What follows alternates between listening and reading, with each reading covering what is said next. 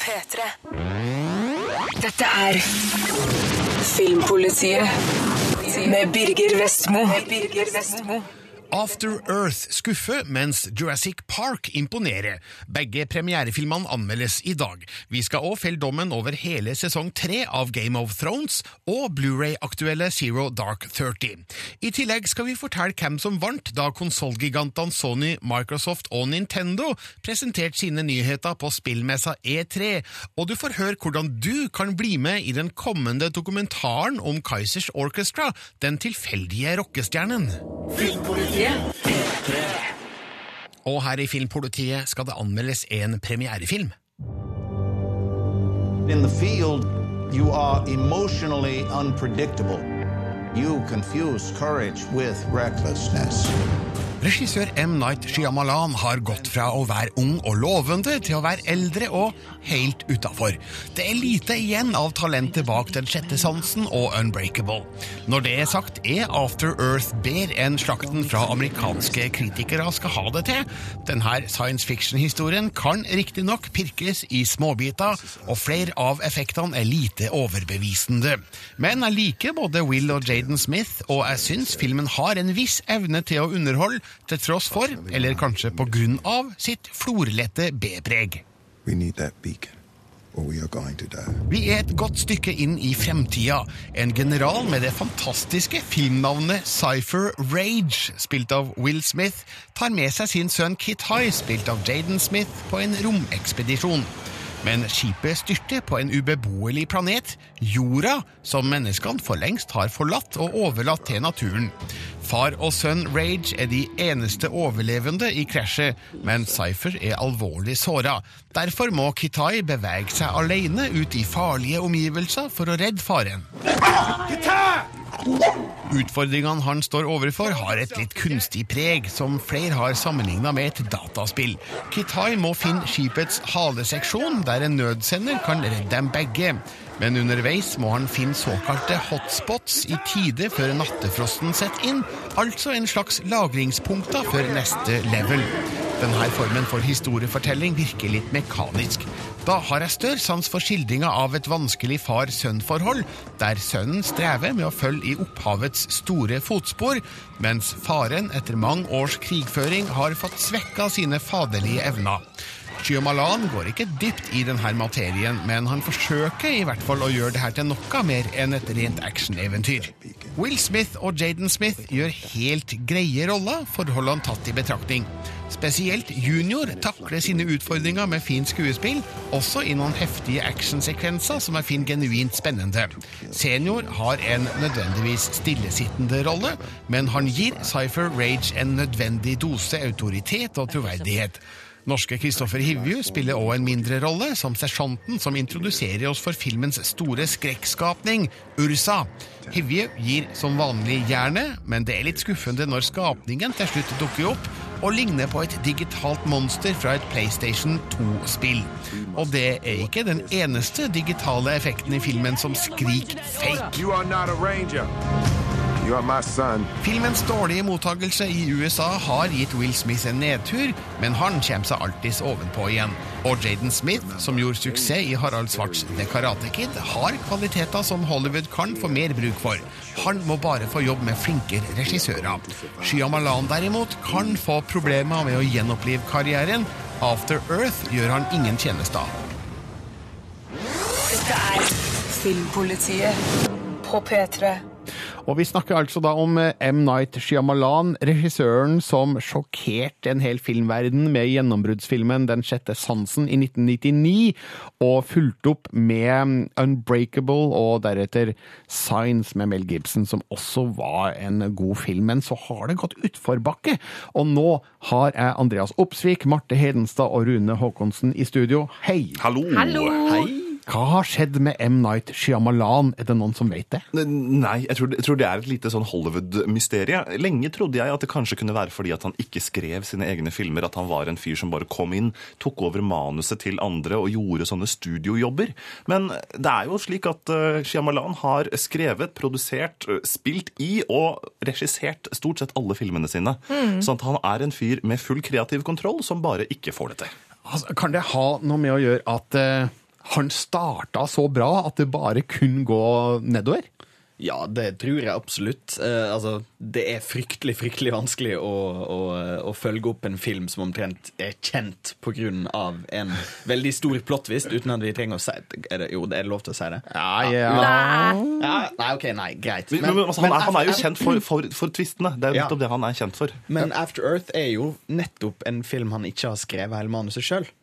Det er jo en av de første der han ikke har gjort det. Så er det lov til å Altså, uh, The Last Airbender. Hallo. Ja. Det, var, det var terningkast én fra deg. Det var terningkast én fra Birger. Luftens siste mester, som den heter i Norge. Det virker som at Hollywood prøv, på en måte holder litt sånn pusten og håper på at M. Shyamalan skal komme med en ny Den sjette sansen. Og derfor han får lov å fortsette og fortsette å lage flere og flere ræva filmer. For det kommer jo, kommer jo ikke noe bra, Fikk han, fikk han et problem eh, da det ble klart at all venter på en twist i filmene hans? Kanskje. Shyamalan Ja. må komme med en twist for at det skal være en godkjent film? Jeg tror han rett og slett har kjørt seg selv inn i et hjørne hvor han, forventningene til filmene han lager, har ødelagt hans på måte, egen kreative framdrift. Uh, Og, og jeg tror fortsatt at Shyamalan kan lage en god film, men han må gjøre noe helt annet. Han må gjøre noe på sine egne premisser. Han må lage et kunstnerisk friprosjekt for at dette skal fungere.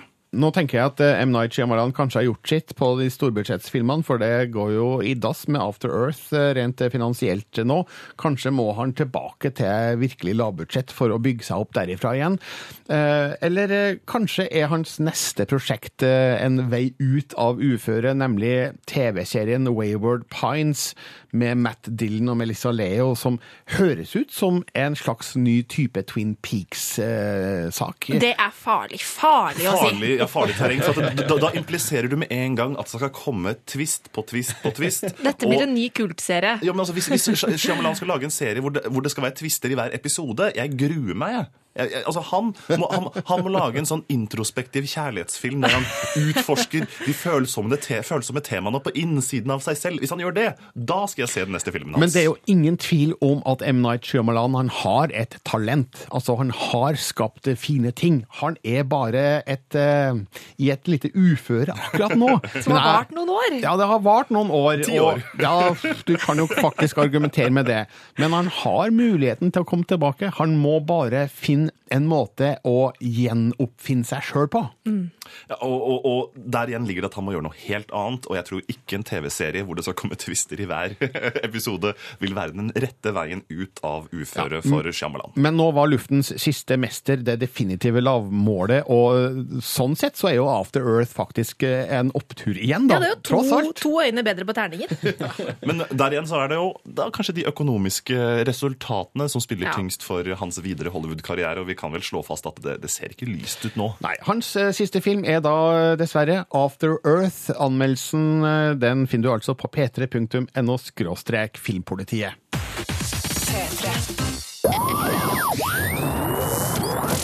Filmpolitiets kortfilmpris. Vinneren av Filmpolitiets kortfilmpris 2013 skal kåres. Din stemme kan bli avgjørende. På p3.no filmpolitiet kan du nå se de fem kandidatene. Festen, What Everest, Haikeren, Snø og Virkelighetsflyktning. Vinneren annonseres under Kortfilmfestivalen i Grimstad lørdag 15. juni. Vær med på kåringa på p3.no filmpolitiet. Filmpolitiets kortfilmpris. Og nå haster det litt dersom du skal være med på denne avstemninga, fordi den stenges etter dagens utgave av Filmpolitiet. Så gå inn på p3.no slash filmpolitiet med en gang og se de fem nominerte, og stem på en av dem, eller all om du vil det. Så får vi se da om det blir Haikeren, Snø, Festen, Virkelighetsflyktning eller What Everest som stikker av med Filmpolitiets kortfilmpris 2013. Premien er på 10 000 kroner, og vinneren annonseres eh, under kortfilmfestivalen i Grimstad i morgen kveld. P3. Denne uka gikk den siste episoden av Game of Thrones sesong 3 på norske TV-skjermer, og nå er altså alle episodene tilgjengelig på HBO Nordic. Da Filmpolitiets Marte Hedenstad anmeldte de to første episodene, trilla hun en sekser på terningen. Nå har hun igjen kasta seg ut i fantasiuniverset Westerås, og hun liker det hun ser. Take his home, take his gold, take his power. Maktkampen om jerntronen fortsetter når vi tar turen tilbake til Vesterås sine syv kongeriker i tredje sesong av Game of Thrones. Og nå er alle de ti episodene ute, og jeg kan konstatere at dette er den beste sesongen så langt i serien. Manus, regi og skuespill, alt sitter som det skal, og rollefigurene blir bare mer og mer interessante etter hvert som vi lærer dem bedre å kjenne. Show them how Forfatteren George R.R. Martins univers i bokserien A Song of Ice and Fire er stort, og det er mange rollefigurer å holde styr på i Game of Thrones, så det gjelder å holde tunga rett i munnen. Men serieskapere David Benioff og DB Wise sjonglerer alle de forskjellige historielinjene på en mesterlig måte. Vi følger aldri én historielinje for lenge av gangen, og alle de forskjellige figurene får den tiden de trenger på TV-skjermen, slik at spenningskurven i serien sakte, men sikkert stiger for hver episode. Oh, I'm a monster. Perhaps you should speak to me more softly then. Monsters are dangerous, and just now kings are dying like flies. Store forventninger har vært knytta til denne tredje sesongen av serien, fordi den inneholder hendelser som leserne av bokserien lenge har sett frem til. Fallhøyden er desto større, men som leser av bøkene selv kan jeg si at sesongen absolutt sto til forventningene. Spesielt én sjokkerende hendelse har blitt mye omtalt, for i episode ni ble det klart for TV-seerne hvor kompromissløs George R.R. Martin er når det kommer til å fortelle historien, uten hensyn til hvilke rollefigurer som ryker med på veien. Og som fan av bokserien var det gøy å se at dette ikke har forsvunnet på vei til TV-skjermen. Når det er sagt, så var det også mange andre episoder i sesongen som utmerket seg utover den høye kvaliteten som hele sesongen holder. Spesielt var episoden når Deneris tar kontroll over slavehæren i Astapor et høydepunkt. Her viser den unge, men sterke kvinnen hvor skruppelløs og beinhard hun er villig til å være i kampen for makt og rettferdighet. Og episoden endte med at jeg og mannen min satt og jublet i stua. Novagedi! Aksiosentas, mentiosentas! Dracaris.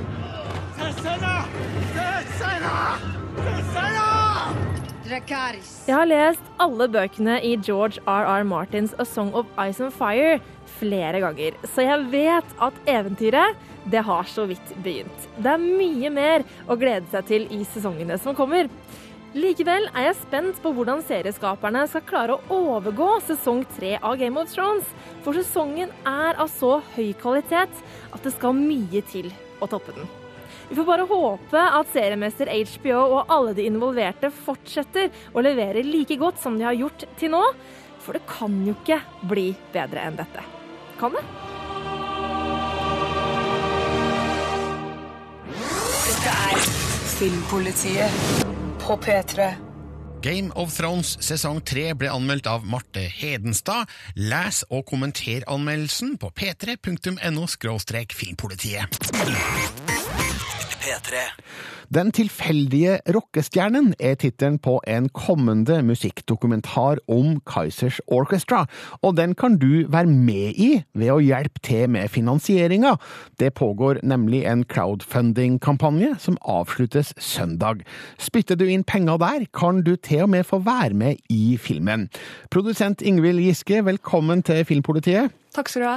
Eh, Hvorfor må dere crowdfunde en dokumentar om Kaizers eh, Orchestra? I utgangspunktet så gjorde vi det for å få penger. Det var jo første tanken vår.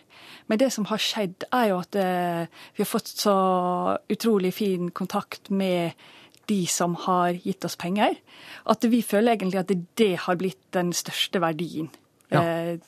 Filmen får ut av det. da. Ja, så dette er en måte å, å, å knytte bånd til fansen, rett og slett? Ja, jeg tror egentlig at filmen vår blir mye bedre av det. Vi har kontakt med folk, de gir oss innspill, og regissøren merker jeg blir mye mer kreativ. Han får gode ideer av å ha denne kontakten. Så det tenker jeg er noe vi har lyst til å jobbe med i andre filmer også. Men hvis man blir med på pengefronten eh, her, eh, så kan man få noe tilbake. Hva har dere å by på? Nei, det er jo helt fra de små summene og opp til eh, 2500 euro. Ja, det det altså da- laveste er 10, 10 euro. Ja, altså 2500 euro, det er ca. Ja, 19 000-20 000 kroner der omkring? Ja. Altså, da får man omtrent hovedrollen, da, eller? Det man får da, er en egen førvisning av filmen, der man kan ha med vennene sine. Man arrangerer eh, det selv eh, i en kafé eller et annet lokale der man bor. Og så kommer regissøren med en nesten ferdig film og viser den, og så kan man være med i diskusjonen om hva som funker og hva som ikke funker. Mm. Og eh, alle pengealternativene og hva man eventuelt da kan få ut av det, det kan leses på eh, webstedet accidentalrockstar.no. Men eh, nå virker det som om pengene ikke er noe problem. Eh, du- har vel egentlig kommet i mål på crowdfunder-fronten? Ja, vi har jo det, og det er jo helt fantastisk. Eh, Det er utrolig gøy at folk har villet gi av sine private penger. Det er jo veldig uvant følelse for eh, oss som jobber med dokumentarfilm. Vi får jo mye offentlig støtte, og vi får støtte fra TV-stasjoner som kjøper inn filmene våre og sånn. Men at folk faktisk, vanlige mennesker, gir av sine egne penger, det er helt utrolig fint. Ja, men du, du tar imot noen kroner til før eh, søndag og Det avslutninga på crowdfunder-kampanjen? Det gjør vi. Det er fortsatt mulig å delta til søndag. Og vi har um, Det som har vært mest overraskende med denne crowdfunding-kampanjen, var jo at vi så for oss at folk skulle gå inn med lavere summer, f.eks. For, for å få eh, bildet sitt med i filmen, eller få DVD-en av filmen eh, når den er ferdig og sånn. Men vi har hele sju personer som har valgt å gi så mye. Det er 1000 euro. Eh, 8000 kroner ca. Eh, så mye at de faktisk kan være med i filmen selv. Og Det syns vi er helt utrolig. Det har vi aldri venta. Og de er utrolig fine folk, så det blir utrolig spennende å jobbe med de. Og det er snakk om folk fra både inn- og utland? Ja, det er folk fra Norge, det er folk fra Tyskland og fra Skottland. Mm. Du, Hvis jeg eh, klinker til med ja, skal vi si 50 000 kroner, da, eh, kan jeg få være med i bandet? Jeg har lyst til å stå på scenen og, og dunke løs på et sånn oljefat. Det, det tror jeg jeg klarer. Ja, Det har kanskje vært eh, en mulig idé. Vi får sende den over til bandet selv. Og dette blir altså da en eh, musikkdokumentar om Kaizers Orchestra, og med spesielt fokus på Helge Risa, altså mannen med gassmaska i bandet. Eh, hvorfor har dere valgt eh, han som eh, hovedperson i denne dokumentaren? Vi syns at han er utrolig spennende, for han er jo en det som filmen heter, en tilfeldig rockestjerne. Han var ikke en mann som drømte om å spille i band. Og det er jo en helt unik måte å eh, se på bandverden og musikkverden på. Når man velger kanskje ikke den største stjernen i bandet som vokalisten stort sett er, men man velger en av de som står på sidelinja. Og da kan man fortelle historien på en helt ny måte, da. Mm. Men det er historien om hele bandet, eller er det kun Helge? Ja, det er historien om Kaizers Orchestra sett gjennom Helge Risa. Og vi blander jo også fiksjon og dokumentar eh, i filmen. Så Helge forsvinner på et tidspunkt inn i Kaizers fiksjonelle univers. Ja, hvordan skal det foregå? Han er på vei til scenen, og der går han seg vill. Og da møter han eh, karakterer fra Kaisers univers, og han eh, Filmen går over til å være en diskusjon om identitet. Ja, det høres litt Spidal Tap ut, det å rote seg bort på vei til scenen. Nei, det er egentlig mer eh, Det er ikke så veldig mye jeg skal ikke si, Det er ikke så veldig mye humor. Men det høres ikke så lovende okay. ut. Men, men, eh, men man tar det på en måte på alvor. Det er en alvorlig og ordentlig diskusjon om identitet. Mm. Humoren kommer kanskje mer fram i de dokumentariske scenene i filmen. Men når du sier at Helge forsvinner inn i Kaisers Kaizers univers, eh, hva, hva innebærer det? Det innebærer at, han, at vi lager en versjon av eh, Kaizers eh, univers. Eh, Regissøren Igor Devold tolker det. Eh, de har jo lagd en helt hva skal jeg kalle det, nesten en parallell virkelighet i platene sine, eh, som fansen kjenner godt til. Og da lager man en filmisk versjon av det, som han går inn i. Ja, så vi møter Violetta og de andre figurene fra Kaizers-låtene? Ja. Samtidig som bandets eh, historie presenteres. Ja. Men eh, hvordan eh, skal dette foregå nå videre? Altså, Dere har allerede filma noe, men, men, men ikke alt? Ja, Norsk Filminstitutt har gitt oss en del utviklingsstøtte. Dette her er jo en komplisert film eh, å lage, så vi har brukt litt tid på å vise at vi kan få det til.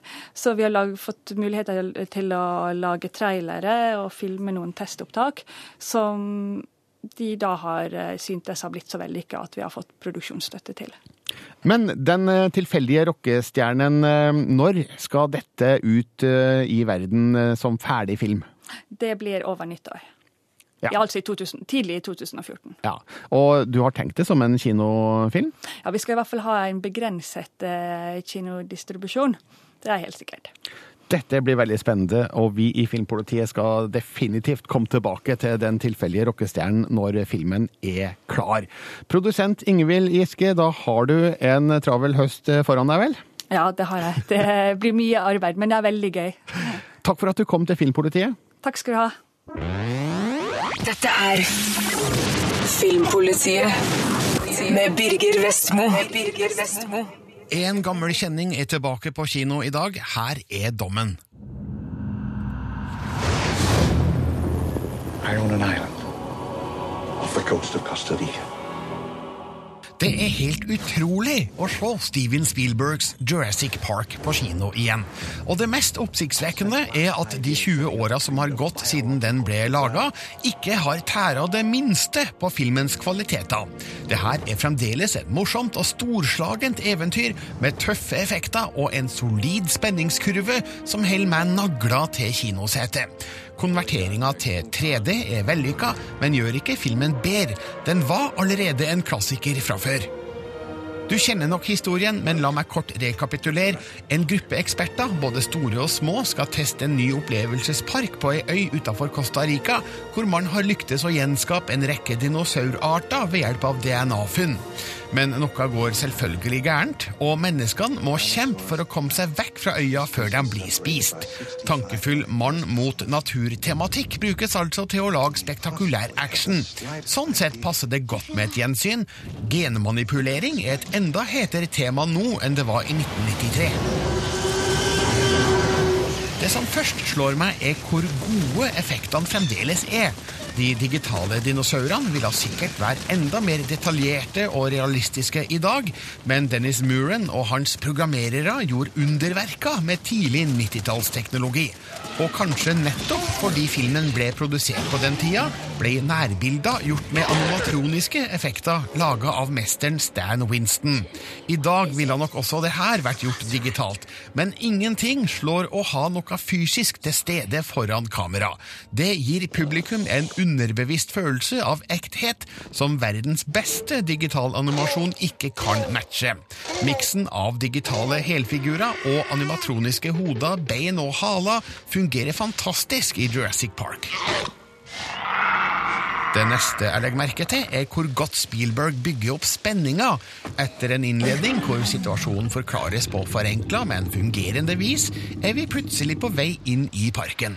Når ting gradvis begynner å gå skeis, befinner vi oss i en tropisk storm foran innhegninga til øyas skumleste dinosaur, herr T-rex. Og måten den introduseres på, er fremdeles et fantastisk stykke filmhistorie. Krusningene i vannglasset, den overjordiske fremtoninga og det vanvittige brølet gir meg frysninger.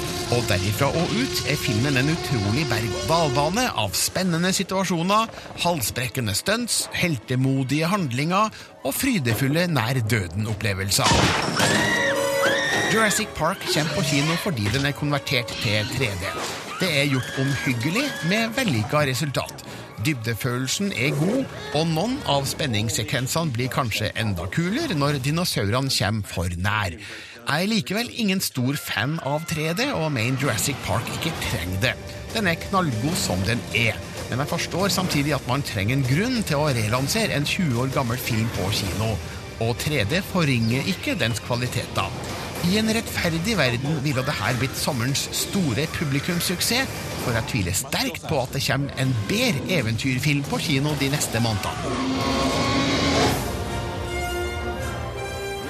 Dette er Filmpolitiet på P3. Du hørte anmeldelsen min av Jurassic Park 3D, en film jeg har eh, gitt terningkast seks på p3.no slash filmpolitiet. Og dette er jo en film mange har et nært og kjært forhold til, inkludert Filmpolitiets eh, Andreas Opsvik, Marte Hedenstad og Rune Haakonsen. Og meg sjøl. Eh, Rune, starter med deg. Eh, hva er ditt beste minne fra Jurassic Park? Og og det, det handler om effektene. Eh, I Jurassic Park, altså filmen er jo da 20 år gammel, så er fortsatt effektene noe som tar pusten fra meg. Og spesielt den scenen hvor eh, disse besøkende på øya for første gang kjører bilen over liksom sånn grass, en gresslette og ser dinosaurene i det fjerne for første gang. Nå får jeg gåsehud med en gang. Eh, og og, og, den, den, det underet, den, den, fantastiske følelsen av å være med og oppdage dette fantastiske synet for første gang. Den følelsen den har jeg med meg hver eneste gang, og den får jeg igjen når jeg ser filmen. Og som jeg nevnte i anmeldelsen min, det er helt utrolig å se ansiktene til Sam Neill og Laura Dern, eh, hvordan de spiller i akkurat den scenen. Fordi de ser jo åpenbart ikke noen dinosaurer når de står der foran kamera, men eh, de spiller på en måte som gjør det veldig troverdig at de ser noe helt fantastisk og helt spesielt. Marte, hva er det du husker best fra Jurassic Park? Jeg skulle egentlig til å si akkurat det, det Rune sa, for den der følelsen av under i den scenen der er veldig fabelaktig. Eh, Men jeg må jo også trekke frem noen av de skumle sidene ved filmen. Jeg var jo bare syv-åtte år da den kom, og jeg ble jo skitredd eh, senere. Altså den der scenen hvor Tronosaurus Tyrannosaurus rex kommer, og de sitter inni bilen der, Mm. og det store hodet liksom eh, kommer ned ved bilen og er større enn bilen, og så ser du det øyet som bare liksom ser Ja. inn. Og vet du hva, jeg Og- og var ikke så nervøs at og holdt ikke på å tisse på meg. Og ikke minst de lydene. Ja, og så pusten. Pusten, Åh, det- brølet. Duringen. Ja, nå får jeg gåsehud igjen! Det, ja, det var utrolig spennende, altså. Andreas, eh, du har vel ingen minner fra Jurassic Park? Det, var var ung. det, var i, det var i 1993. Jeg var hele fem-seks år gammel. Men eh, det jeg tenker på, er jo da, og igjen da, som har sett den som ung, hvis vi skal ikke ta det dramatiske og ikke det skumle, så husker jeg best eh, Sam O'Neill sin karakter som elsker å skremme små barn. eh, ved å ta den der dinosaurkloa og late som han klorer opp magen til den stakkars lille åtteåringen som står der med store øyne og helt sikkert kommer til å ha mareritt om eh, dinosaur den følgende natta. That doesn't sound very scary. uh, men Marte, den scenen du snakker om, der mm. T-rex uh, er på vei, altså jeg husker mest oppbygginga av eh, den store gjenkomsten. Du Mm. ser vannglasset. Ja, vannglasset. Ja, å, ja, ja, ja, ja. Vannglasset, Og så hører Dum, dum. Ja. Og du ser krusningene i ja. vannglasset. En fabelaktig stemningsskaper, det der. Mm. Men også da jeg så filmen eh, nå eh, på kino eh, for et par dager siden, så eh, er det jo den scenen der eh, Laura Derns eh, figur eh, må inn i et skur for å slå på noen sikringer. Litt sånn kunstig greie sak. eh, Litt sånn kunstig manusgrep, det der, men ja, ja, det fungerer. Men også får hun Samuel Jacksons arm på skuldra, og oh, thank God! Og så er det bare armer. There's nothing more. Men eh, jeg lurer på, hvorfor fungerer denne filmen så utrolig bra fremdeles 20 år etter? Det, altså, det er jo en del av eh, effektene som skal ha æren for det. Eh, De ser fantastiske ut og, og kan måle seg med flere storfilmer i dag. Og det er en viktig faktor for filmer som taper seg over tid når det kommer til effekter. Mister også den emosjonelle eh, skal vi si, slagkraften. Du, jeg tenkte på det faktisk da jeg så After Earth, eh, som også har premiere i dag. Eh, digitaleffektene der er dårligere enn de i Jurassic Park. Altså når det gjelder sånn monsterdesign og, og utseende. Mm. Og det er jo et varsko for eh, After Earth eh, først og fremst, da. Men uh, det er også et tegn på at uh, man gjorde veldig mye riktig da Jurassic Park var i produksjon for over 20 år tilbake. Men så er det jo også en rent uh, fortellermessig genial film. Mm. Noen som har synspunkter på det? Altså, jeg vil bare kaste inn um, at produsenten Blant produsentene på Jurassic Park er jo Kathleen Kennedy, et navn som i disse dager igjen er veldig aktuelt, eh, siden hun har tatt over styringen av Star Wars-filmene. Så det er jo et lite håp i at eh, nettopp siden Kathleen Kennedy står bak så mange gode eventyrfilmer, actionfilmer, Hollywood-blockbustere, at hun også kan dra i land den nye generasjonen med Star Wars.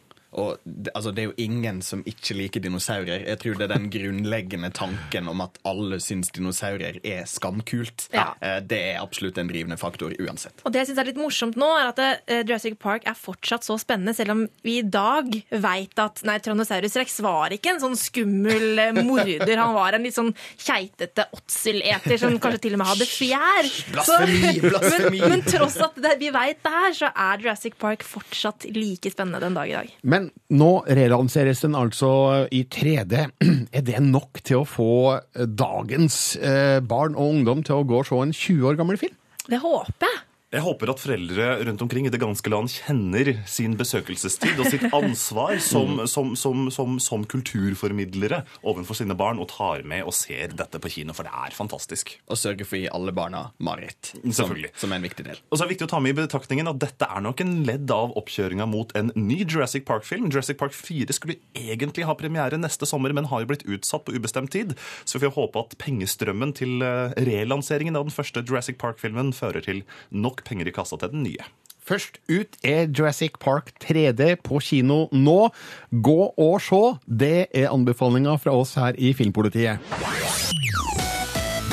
P3. Denne uka ble E3 arrangert i Los Angeles. Årets viktigste spillmesse for alt som har med dataspill og konsoller å gjøre. Og der er vel pressekonferansene til de store aktørene det aller viktigste. Ja, enkelt og greit. Her får eh, de store aktørene i spillbransjen, både konsollprodusenter og spillutviklere og spillutgivere, muligheten til å, å paradere foran en uh, samlet verdenspresse. Så dette er jo et av de viktigste utstillingsvinduene for, for spillbransjen. Og i år så var vel krigen mellom uh Xbox og PlayStation, mellom Sony og Microsoft, det helt store. Ja, det var stort sett det det har handla om, både i forkant og i etterkant. Microsoft, mye fordi det har vært veldig mye uklarhet rundt eh, hva det er de egentlig har planlagt å gjøre med, med, med brukt spill og med Må bare legge til at Begge de to er jo på gang da med nye konsoller. Xbox One fra Microsoft og PlayStation 4 fra Sony. Og det er jo i forbindelse med disse nye konsollene at eh, hele denne kontroversen har oppstått. Ja, de, de har hatt mye, mye forskjellig rundt kopibeskyttelse på spill, annet at du ikke kan låne bort et spill til en kamerat engang uten at eh, ja, du kan få eh, litt eh, spillproblemer hos Xbox. Og også det at man hele tiden må være koblet opp mot nett. En gang i døgnet må Xbox One kobles opp på nett for at man skal få tillegg, tilgang til spillene man allerede har kjøpt. Og det har jo skapt stor eh, drama og dramatikk for gamere rundt omkring i hele verden. For uh, hva skjer da hvis du skal på hyttetur eller er et eller annet sted hvor du ikke har tilgang til nett, så kan du altså rett og slett ikke bruke konsollen Xbox One. Og, og denne konflikten da mellom Microsoft og rett og slett forbrukerne har Sony rett og slett bestemt seg for å profitere på. Og på deres pressekonferanse natt til tirsdag denne uka så begikk Sony-sjef Jack Tretton det mange nå kaller eh, et regelrett eh, overgrep mot, mot Microsoft ved å dra Sony i en helt annen retning. We believe in the model that people embrace today with PlayStation 3 and continue to demand. Just heard you there. When a gamer buys a PS4 disc, they have the rights to use that copy of the game. They can trade in the game at retail, sell it to another person, lend it to a friend, or keep it forever. Og nå hører vi da rett og slett publikum i salen. Det her er journalister altså stort sett som jubler og er storveis fornøyde med at uh, Sony har gått inn rett og slett motsatt retning. In addition, PlayStation 4 disc based games don't need to be connected online to play. Det er jo et regelrett angrep. Så her går Sonys toppsjef rett ut og sier hei, hei, eh, Microsoft er teite, vi er kule, og folk jubler for det. Men, men det ble jo ikke noe bedre, for Microsoft har hatt store problemer både i forkant, under og nå i etterkant av E3-messa med å formidle hva de vil gjøre med konsollen, og gått på en rekke PR-blundere. Og Her får vi et lite klipp fra et intervju hvor Xbox-sjef Don Matrick forteller eh, hva skal du gjøre da hvis du ikke har internett. Fortunately, we have a product for people who aren't able to get some form of connectivity. It's called Xbox 360. Right. So stick with 360. That's your message. If you don't, Well, if you don't like it. if, if you have zero access Yeah. to the internet, that is an offline device. I Yeah. mean, seriously, when I read the blogs and thought about who's really the most impacted. There was a person who said, "Hey, I'm on a nuclear sub." Right. And I don't even know what it means to be on a nuclear sub, but I've got to imagine that it's not easy to get an internet connection. Jeg har lyst til å understreke nå at alle her i studio nå tar en felles facepalm. Det er helt krise, rett og slett. Altså Her skal du selge et nytt produkt, og så møter du på en måte spørsmål om tilgang og, og problemer rundt rett, forbrukerrettigheter med å si at ja, men vi, hvis ikke du har internett, så kan du bare kjøpe det forrige produktet vårt. Det er en PR-katastrofe. og altså, for, altså Hvis ikke det er krisemøter dagen lang på Microsoft sine kontorer nå, så kommer det til å gå rett ad dundas. Men jeg tenker jo da også at eh, ok, dette er en PR-blemme for Xbox, men er ikke alle i hele verden connecta til internett? Nei. Og Det er nettopp det som er poenget, at det er i Vesten, i USA og i Vest-Europa dette faktisk er en realitet. Store deler av resten av verden har ikke den samme muligheten til å koble seg på nett, så på den samme tid så ekskluderer Microsoft ganske store deler av verdensmarkedet fra sin konsoll, mens Sony på sin side gjør også et PR-stunt, men velger å gå i totalt motsatt retning. Og jeg tror nok i, hvert fall det, i et kortere perspektiv så vil dette være en bonus for Sony og en stor eh, negativ byrde for Microsoft. Men eh, hva med den tredje store aktøren, nemlig Nintendo? Andreas, Marte og, eh, og Rune, hva, hva gjorde Nintendo på E E3? Nintendo eh, tok jo egentlig og viste fram alt det de har fra før, og putta en U eller et totall bak det. Det, er veldig mye, det er veldig mye Mario, det er Donkey Kong, du har ja, du har ulike Det er Smash Bros-serien, der ulike Nintendo-figurer kan slåss sammen. Mario Kart. Mario Kart. Det gikk, det gikk mye i oppfølgere. De forsøkte i hvert fall å fange oppmerksomheten med å bruke de gamle heltene først. Og det er jo fordi at Wii U-konsollen, som kom i november i fjor, har solgt mye, mye mye dårligere enn det Nintendo håpa på. Det har vært en, en, rett og slett en liten sånn, eh, skal vi si, salgskatastrofe, og selskapet sliter nå veldig tungt med å få inntekter nok til å, til å drive på samme store skala som de har.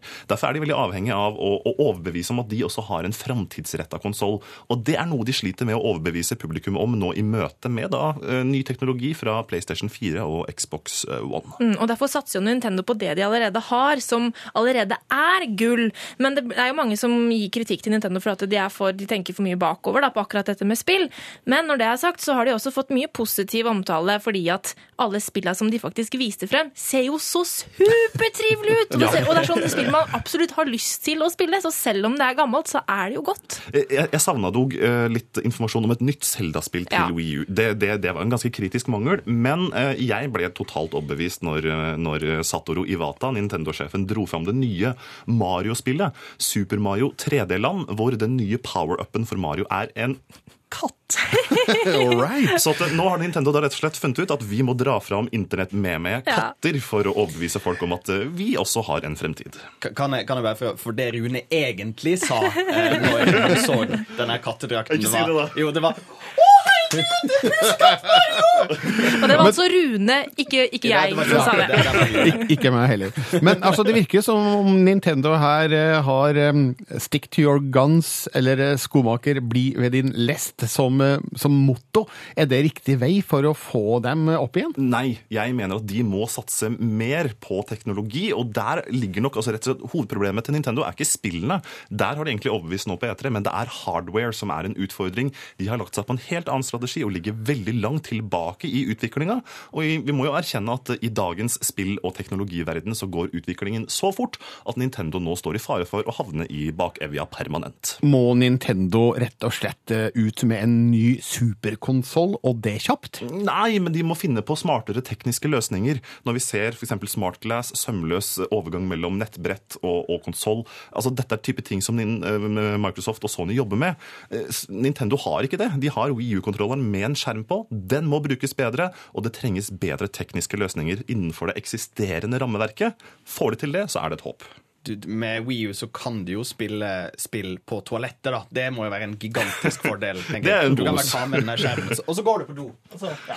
Så vi. Så eh, veldig eh, satt på spissen. Eh, Oppsummeringa etter E3 blir at eh, Sony vant. Microsoft står i skammekroken, og Nintendo de står på sidelinja. Ja, Enkelt og greit. God analyse. Full dekning av E3 finner du på p3.no filmpolitiet. Denne uka kom gull ut på Blu-ray og DVD, nemlig Catherine Bigelows kontroversielle film Zero Dark Thirty.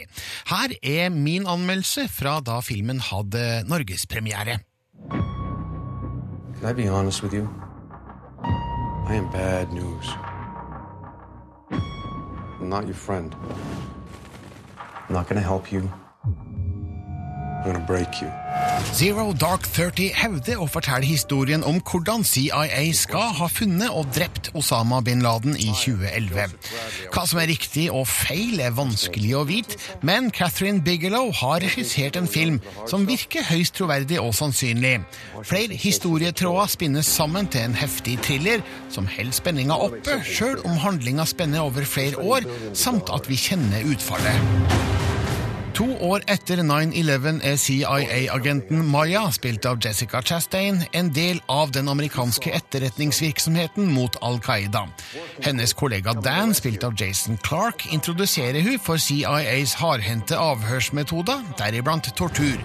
I løpet av de neste årene finner de flere spor som kan lede til høytstående medlemmer av Al Qaida, men det skal vise at jobben slett ikke er risikofri.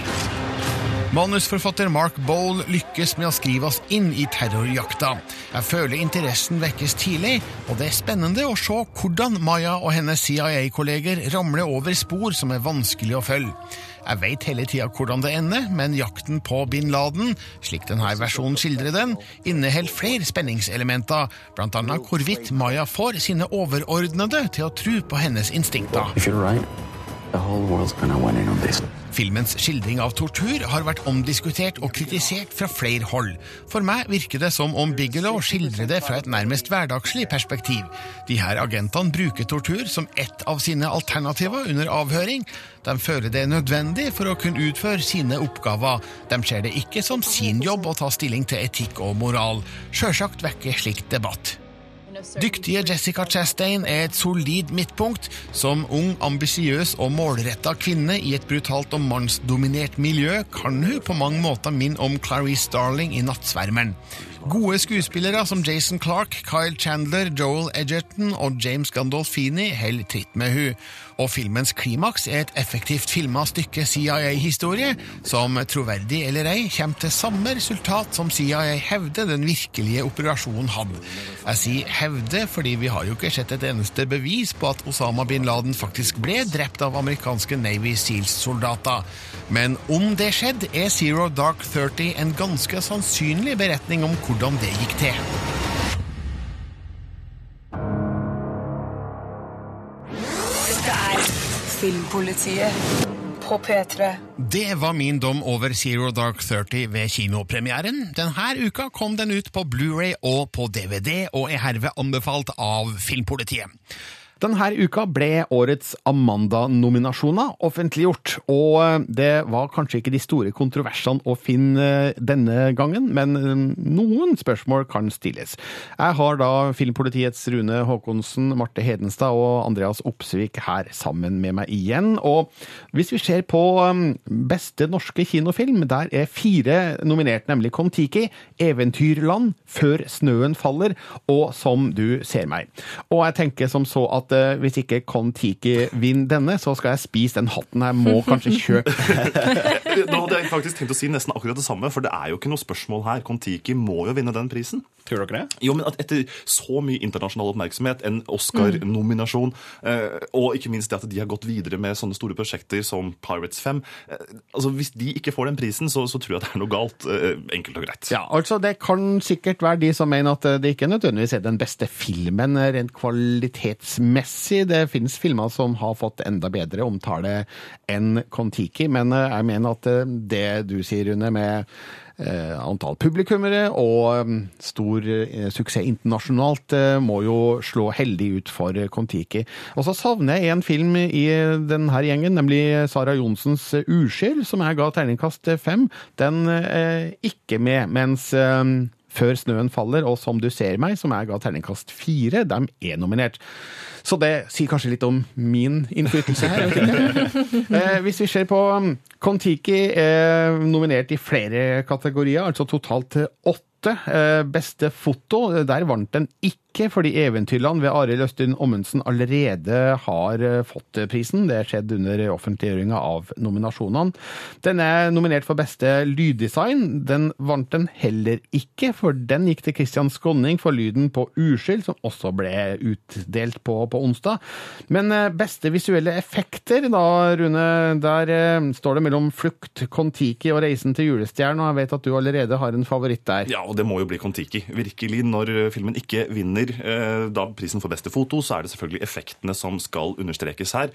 Og den er jo et en mesterstykke i norsk sammenheng med tanke på budsjettet og, og resultatet som har kommet på skjermen. For det ser ut som en million dollars, liksom. Ja. Ja, Bokstavelig absolutt. talt. Og, og, og det at de har fått den der åpent hav-følelsen til å være så sterk, selv om det er filma både i bassenger og, og sånne ting, det er noe jeg har veldig mye respekt for. Og effektene i Kon-Tiki kan vel være en medvirkende årsak til at eh, Joakim Rønning og Espen Sandberg nå har fått jobben med å regissere Pirates eh, of the Caribbean nummer fem. Hva tror du, Andreas? Jeg tror nok absolutt at uh, du hadde mange i Hollywood som så denne filmen, og så så de på budsjettet til Kon-Tiki, og så tenkte jeg hvordan i all verden fikk de til det der? og så tenkte jeg sånn, tenk hva de kan få til visuelt hvis de får et uh, Parts of the Caribbean 5-budsjett. Og det, hvis de skal ta det eksponentielt, altså hvis de skal gjøre det like bra i forhold til uh, Altså, nå- for, nå får- per krone, så, så må det jo bli bra. Ja, For nå får du bokstavelig talt et lite uh, statsbudsjett til Ja. å lage film. Og Rønning og Sandberg er jo også nominert for beste regi for eh, Kon-Tiki. Den er nominert for beste klipp, og så i beste mannlige skuespiller så er Pål Sverre Hagen nominert for sin rolle som Thor Heierdal. Og så er det andre filmer òg som hevder seg bra når det gjelder antall nominasjoner. Det er 90 minutter som eh, har sju nominasjoner. Som du ser meg har seks. Eventyrland har fem. Og det samme har Jag etter vind. Og nå er det jo sånn i Amanda-sammenheng at eh, prisene ofte del, fordeles litt sånn utover. Eh, berømt sitat fra Wesenlund 'slapp av, alle skal få'. Eller noe i den duer, da. Men årets Amanda-priser deles ut under filmfestivalen i Haugesund den 16. august, og da får vi se hvem som stikker av med de beste, gjeveste og fleste Amanda-statuettene. P3. Husk, gå inn på p3.no filmpolitiet og stem på kandidatene til Filmpolitiets kortfilmpris. Avstemninga slutter straks, og vinneren annonseres under Kortfilmfestivalen i Grimstad i morgen kveld. På samme nettsted finner du òg alle nye anmeldelser og andre artikler, samt podkastversjon av det du nå har hørt på radio. Jeg heter Birger Vestmo og ønsker deg en god helg.